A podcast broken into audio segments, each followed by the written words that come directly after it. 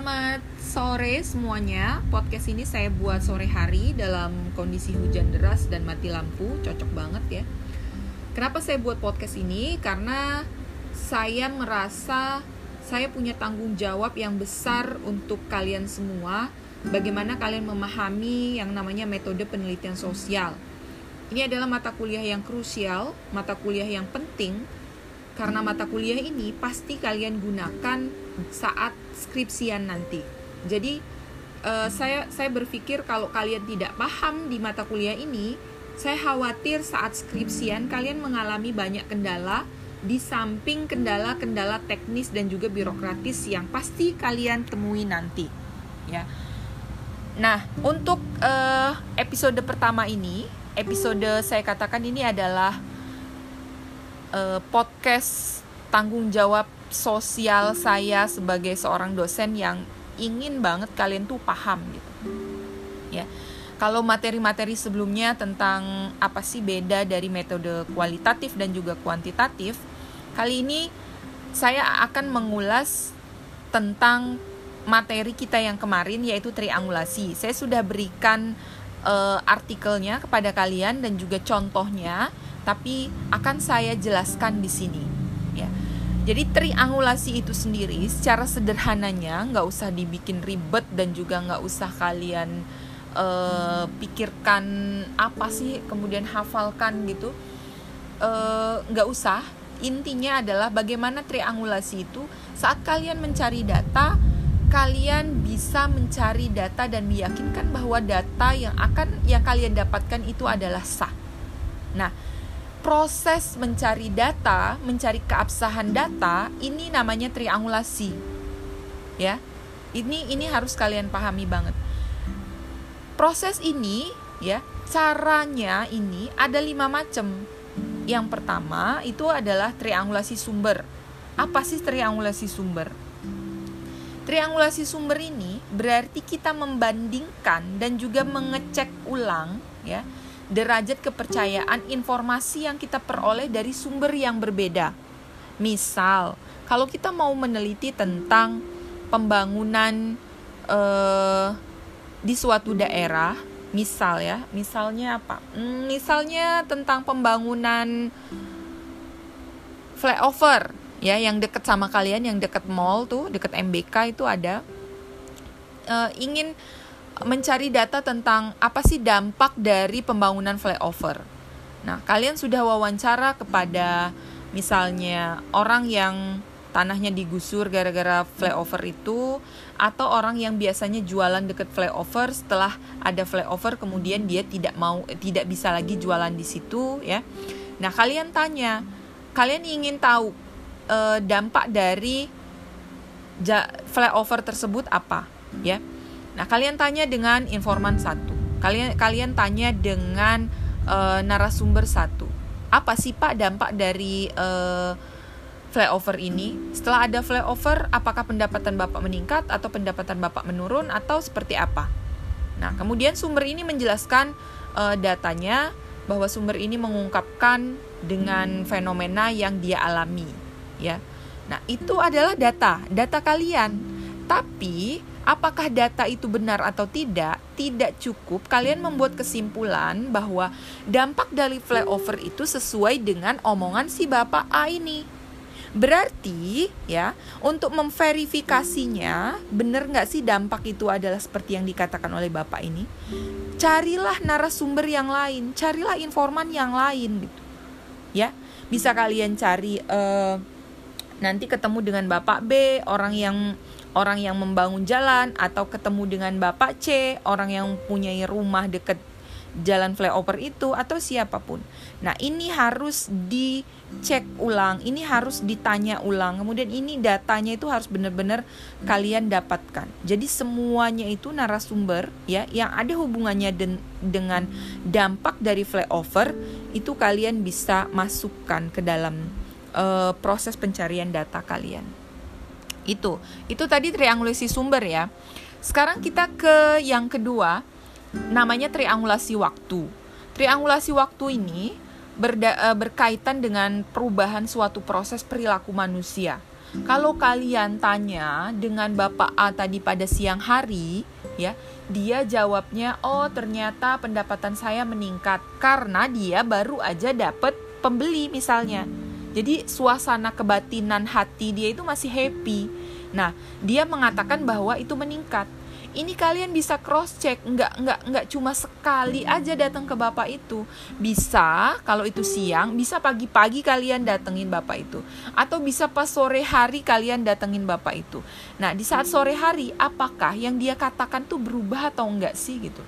Apakah dia masih mengklaim bahwa uh, pendapatan tuh meningkat ketika kalian tanya di sore hari atau ketika kalian tanya di keesokan harinya atau ketika kalian tanya berulang di seminggu berikutnya gitu. Nah, ini harus uh, kita apa namanya? kita dapatkan datanya ya. Benar atau enggak. Jadi triangulasi ini dinamakan triangulasi waktu. Nah, kemudian yang ketiga yaitu triangulasi teori. Triangulasi teori ini adalah ya ketika kalian ingin mendapatkan data tentang dampak dari uh, flyover, yang kalian lihat itu nggak cuma dampak ekonomi. Misal kalian ambil teori A, dampak ekonominya begini.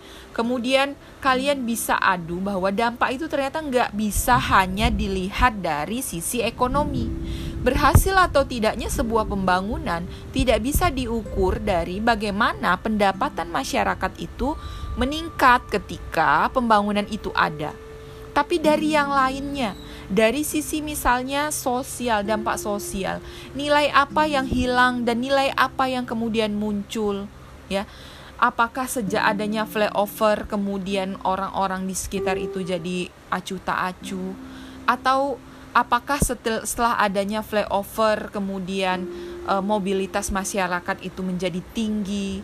Apakah setelah adanya flyover kemudian pemerintah itu merasa bahwa mereka sudah menyelesaikan dan mengurai kemacetan. Nah, ini juga harus kita lihat tidak hanya dari sisi sosial, bisa dilihat dari sisi administratif, bisa dilihat dari sisi misalnya teori-teori yang lainnya, teori politik, apa pun itu.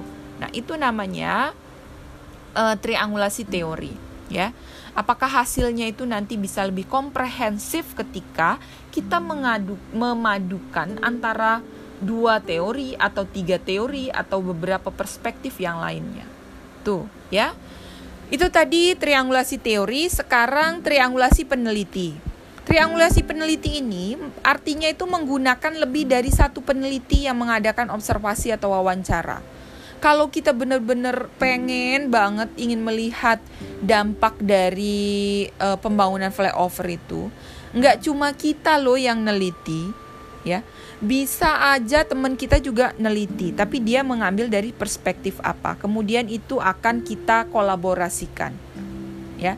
Ini sih terutama kepada Pemda ya atau ketu, terutama kepada stakeholder yang melakukan atau yang melaksanakan pembangunan tersebut. Misal pembangunan ini adalah milik dari uh, pemerintah Kota Bandar Lampung. Pemerintah Kota Bandar Lampung ingin melihat apa sih dampak dari pembangunan flyover yang sudah dibuat. Bisa dia uh, meminta penelitian orang FISIP.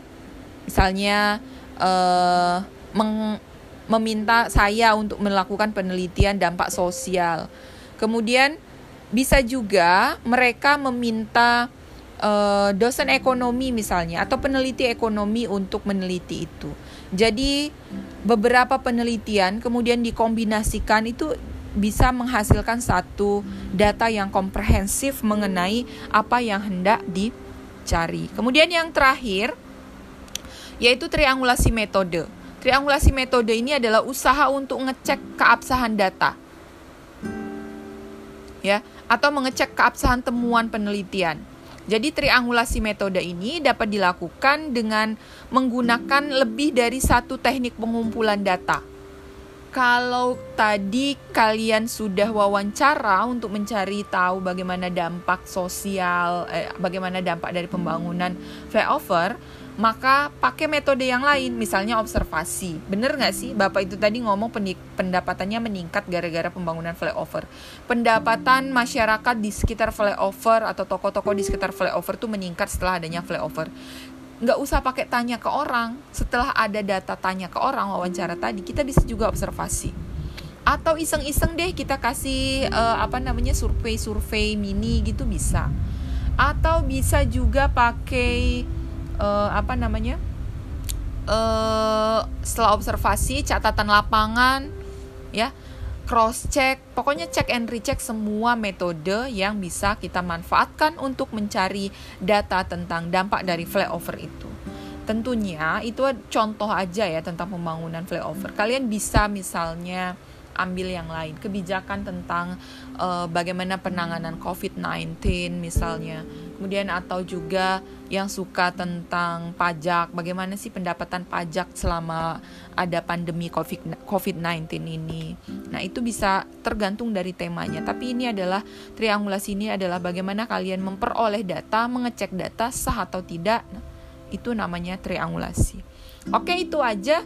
Kalau di situ ada data triangulasi ya, tentang data triangulasi yang berbeda ada triangulasi penyelidik, triangulasi teori, triangulasi bermacam-macamnya.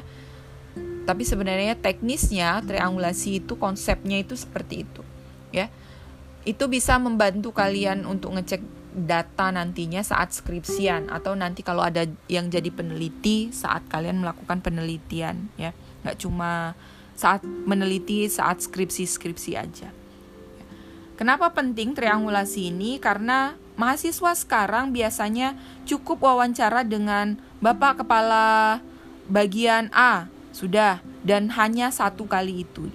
Dia tidak pernah melakukan triangulasi waktu dan juga e, data yang didapat hanya tunggal dengan Bapak itu tidak men menanyakan dengan e, informan yang lain atau sumber yang lainnya. Kemudian dia juga tidak mengkomparasikan teorinya. Uh, boleh sih pakai satu teori aja itu boleh tapi kita pasti ada pertimbangan kenapa kita mengambil teori itu. Karena kita sudah memahami teori-teori yang lain itu tidak relevan dengan data yang ingin kita cari. Tidak relevan dengan topik penelitian kita. Itu aja. Kalau ada yang mau ditanyakan silahkan. Uh, mohon maaf kalau ini banyak kekurangan dan saya terkesan kayak terburu-buru karena ya namanya namanya perdana uh, insya Allah next saya akan menjadi saya akan perbaiki lagi ya bagaimana proses menjelaskan ini. Karena menjelaskan kalau nggak ada timbal balik tuh agak gimana juga gitu rasanya. Saya sih pinginnya ada timbal balik seperti kita di kelas tapi kalian nggak ribut gitu intinya itu. Oke terima kasih tetap jaga kesehatan tetap belajar uh, jangan lupa bahwa mata kuliah MPS ini penting banget untuk kalian karena setiap mahasiswa itu pasti akan melakukan penelitian ya dan biar nanti nggak bingung bagaimana bagaimananya makanya kalian harus paham banget tentang metode penelitian atau kuliah di metode penelitian ini. Terima kasih. Wassalamualaikum warahmatullahi wabarakatuh.